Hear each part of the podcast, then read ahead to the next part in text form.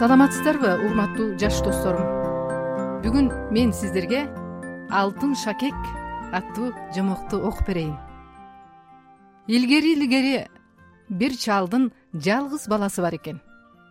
Бир күнү чал баламды бир сынайынчы деп жыйырма тыйын берип базарга жиберет. Ал барып беш тыйынга күчүк беш тыйынга мышык а беш тыйынга короз жана беш тыйынга жылаандын баласын сатып алып үйүнө келет. Балам тыйынын бир оокатка жаратат экен десем капкайдагы жарабаган нерселерди алыптыр деп чал ачуусу келип үйүнөн кууп жиберет экен. Бала корозду мышыкты жылаанды көтөрүп алып бет алган жагына кете берет. Күндөрдүн биринде жылаандын баласына тил кирип досум мен жылаандын падышасынын баласы элем. Адамзаттын колуна эмне болуп түшкөнүмдү билбеймин. Сен атамды издеп тапсаң бул дүйнөдө эч нерседен кор болбойсуң. Бир чоң кара дөбө бар. Аны тапсаң бир кичине жылаан чыгат. Андан ары жүрүп олтурсаң бир чоң жылаан чыгат. Аларга менин башымды көрсөтүп койсоң дароо кетет ошол жылаандын изи менен баса берсең бир үңкүргө келесиң. Ал үңкүрдө бир чоң чарада алтын бар. Ошол алтындын ичинде менин атам жатат. Мени ошол үңкүргө барганда кое бер. Үңкүрдүн ичинде түрдүү тамак аш бар. Өзүң ошол тамак аштан ичип жата бер дейт. Бала жүрүп отуруп чоң кара дөбөгө келсе алдынан бир кичине жылаан чыгат. Ага койнундагы жылаандын башын көрсөтүп коет. Кичине жылаан коркуп качат. Бала андан ары басат алдынан дагы бир чоң жылаан чыгат. Ага да жылаандын башын кылтыйт деле ада ийинине кире качат. Бала анын изи менен үңкүргө кирет. Анда бир чоң чарада алтын. Анын үстүндө чоң жылаандын жатканын көрөт көтөрүп жүргөн жылаанды кое берет да өзү ар түрдүү тамактардан ичип жатып калат. Бирок көп күн жүргөндүктөн зеригет анын зериккенин билип жылаандын баласы досум зериктиңби кетесиңби? дейт. Уруксаат берсең кетем досум бул алтындар сага опоо болбойт атамдын тилинин алдында алтын шакек бар. Ошол шакекти атамдан сурагын. Шакектин алтымыш эки дубасы бар. Ал дубаларды үйрөтүп коемун анан кор болбойсуң дейт жылаан алтын шакекти өзүң сурап бергин. Жылаан атасына келип ата сиздин алтын шакегиңизди досум сурап турат. Ошол шакегиңизди досума бериңиз дейт. Атасы ары карап ыйлап бери карап күлүп эми болбостур деп күңгүрөнүп сүйлөнүп туруп түү деп бүркөп жиберет. Ошондо алтын шакек оозунан ыргып кетет. Жылаан алтымыш эки дубаны үйрөтөт.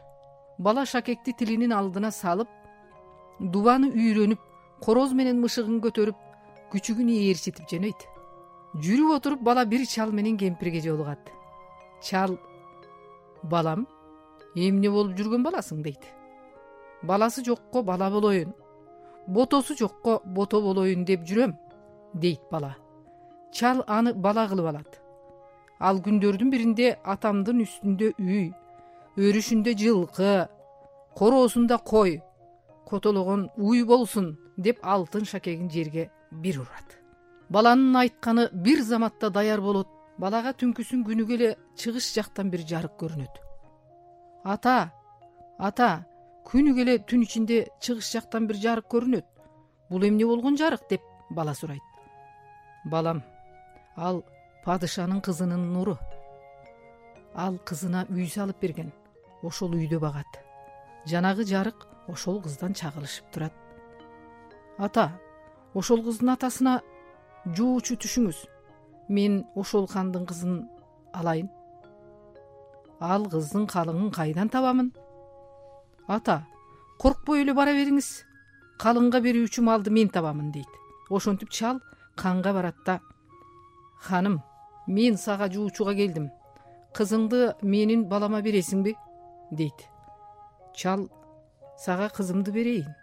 Бирок капшытымда калмак айгайлап тушумда тулпар туйлап турсун. Эшигиме чөккөн төөдөй алтын коюлсун тоодогу жайлоомо алтын күмүштөн сарай салынсын.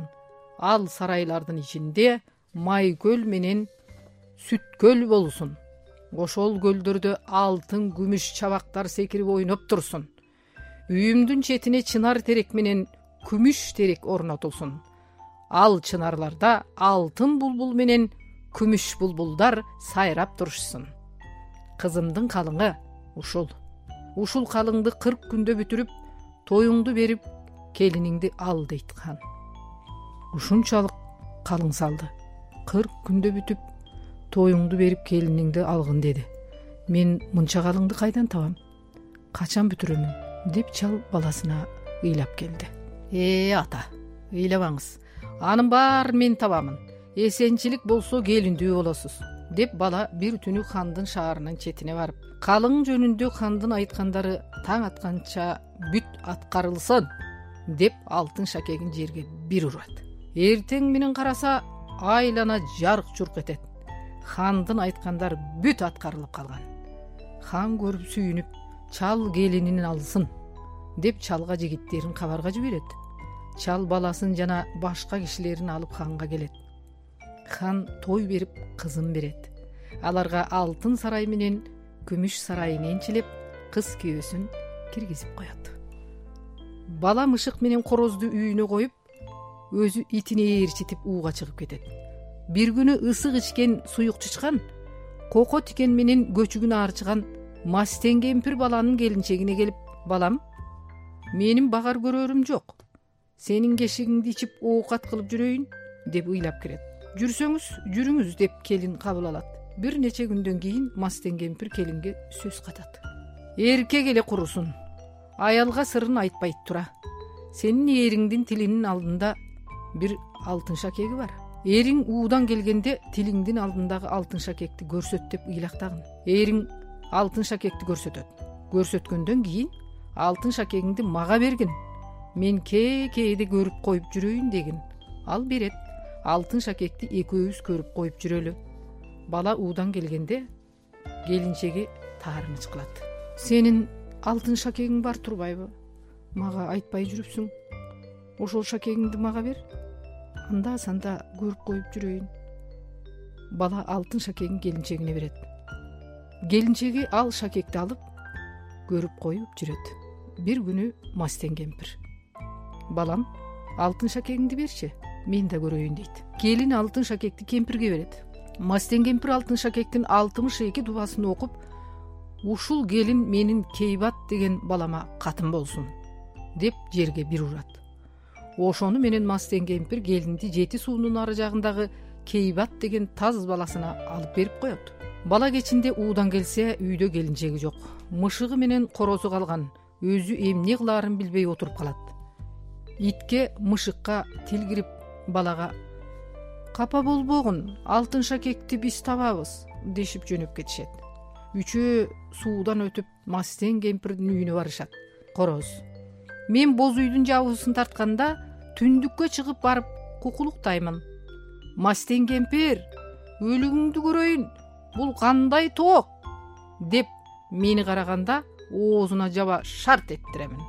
Ал түкүргөндө оозунан алтын шакек ыргып кетет мышык сен шып тетире илип кач. Ит сен эшиктин алдында тургун мышык келип үстүңө жабышсын. Мен да учуп түшүп аркаңа конуп алам. Анан алып качпай жаның жокпу дейт да түндүккө конуп кыйкырат.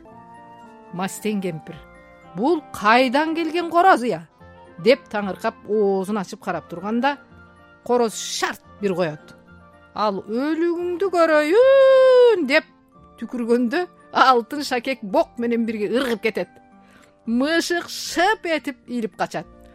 Ит мышык менен корозду үстүнө кондуруп алып зымырап жөнөйт. Бала алтын шакекти тилинин алдына салып мастен кемпир жер жүзүнөн жоголсун келинчегим үйүмдө болсун деп алтын шакекти жерге бир урат. Ошентип бала мастен кемпирди өлтүрөт экен. Келинчегин өзү алат ата энесин алдырып жыргап жашап жатып калат экен. Урматтуу кичинекей досторум ушуну менен бүгүнкү жомок соңуна чыкты. Сиздерге жомокту окуган кыргыз республикасынын эл артисти апаңар саламат садыкова. Көрүшкөнчө достор